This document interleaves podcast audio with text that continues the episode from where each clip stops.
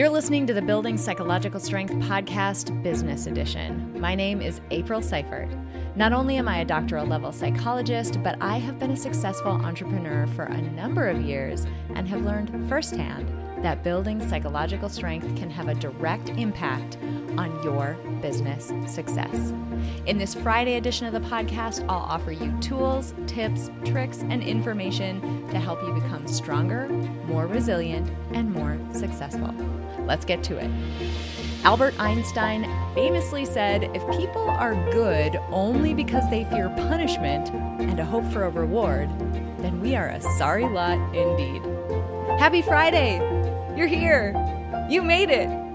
Let's talk about psychology and business, shall we? Today, we continue our three part series about something called the drama triangle.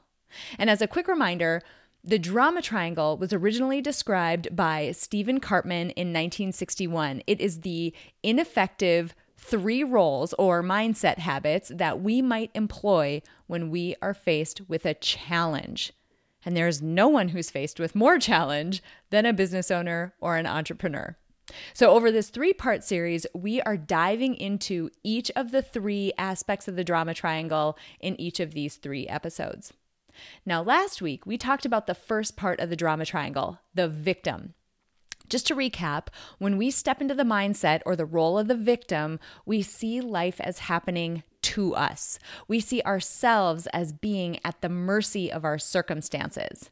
And if you missed that episode, you're definitely going to want to go back and catch it because it's extremely valuable information and it'll provide helpful context and contrast to today's episode.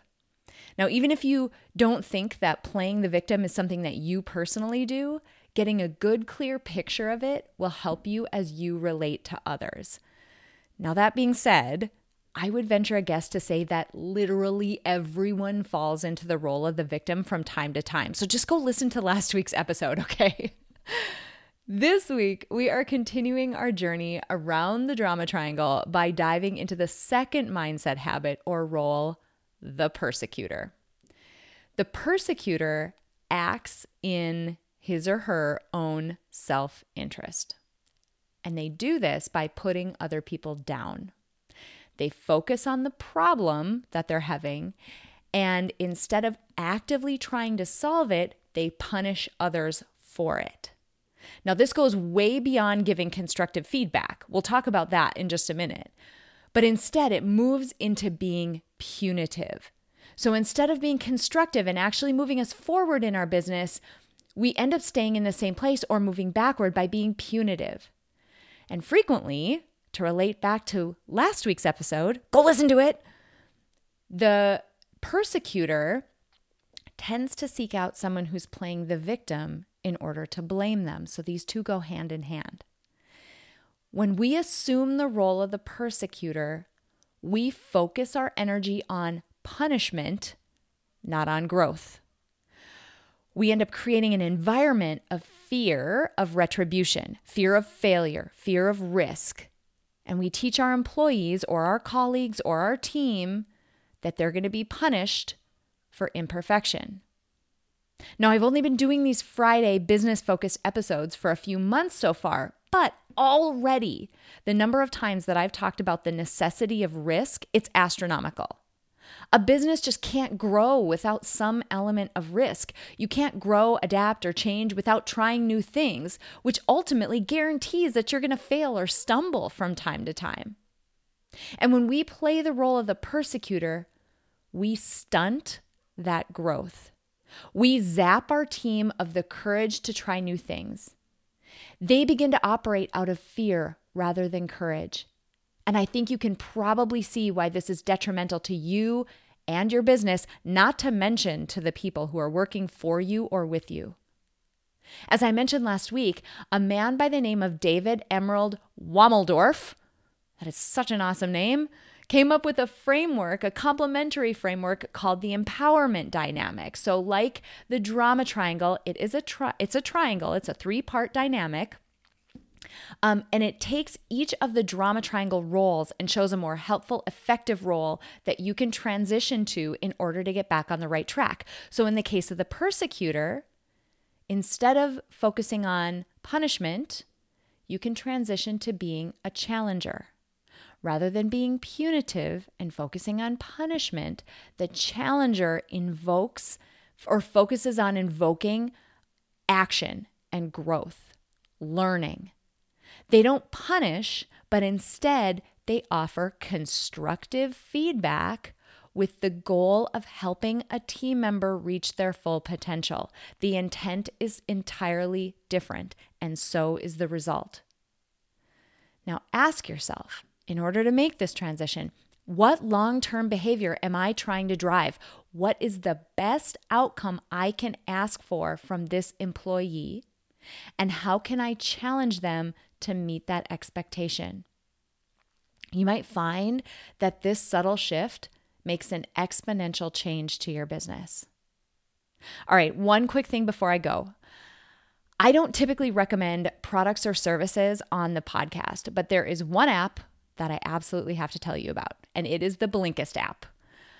Blinkist takes some of the best, most influential, most valuable nonfiction books and gists them down into 15 to 20 minute summaries.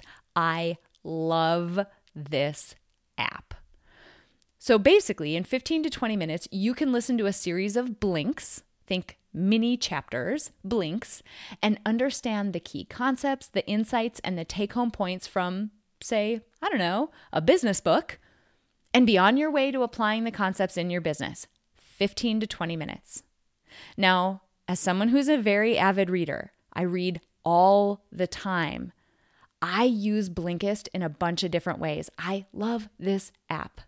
First of all, there's a stack of books that I know I want to get to, but I likely won't have time to physically read them, or I want to know a little bit about it right now. I get excited and I want to know now.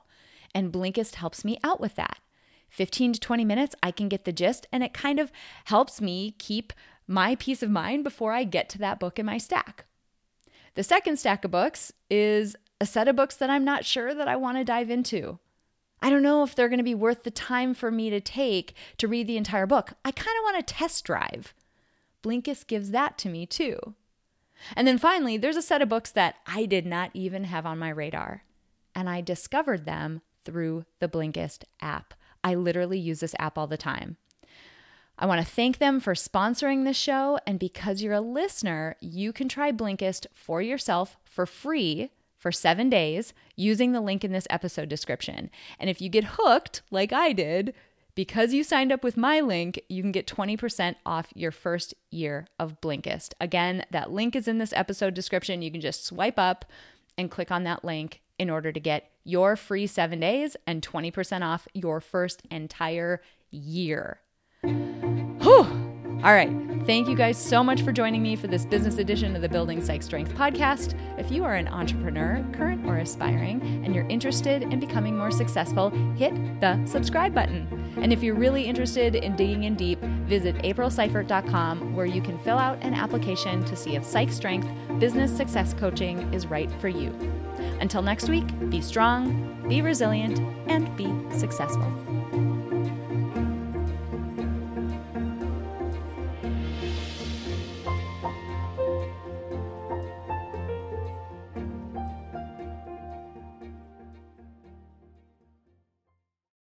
At Parker, our purpose is simple. We want to make the world a better place by working more efficiently, by using more sustainable practices, by developing better technologies. We keep moving forward. With each new idea, innovation, and partnership, we're one step closer to fulfilling our purpose every single day. To find out more, visit parker.com/purpose. Parker, engineering your success. As humans, we're naturally driven by the search for better. But when it comes to hiring, the best way to search for a candidate isn't to search at all. Don't search, match with Indeed. When I was looking to hire someone, it was so slow and overwhelming. I wish I had used Indeed. If you need to hire, you need Indeed. Indeed is your matching and hiring platform with over 350 million global monthly visitors, according to Indeed data, and a matching engine that helps you find quality candidates fast. Ditch the busy work. Use Indeed for scheduling, screening, and messaging so you can connect with candidates faster. And Indeed doesn't just help you hire faster. 93% of employers agree Indeed delivers the highest quality matches compared to other job sites, according to a recent Indeed survey. And listeners of this show will get a $75 sponsored job credit to get your jobs more visibility at Indeed.com slash podcast. That's Indeed.com slash podcast. Terms and conditions apply.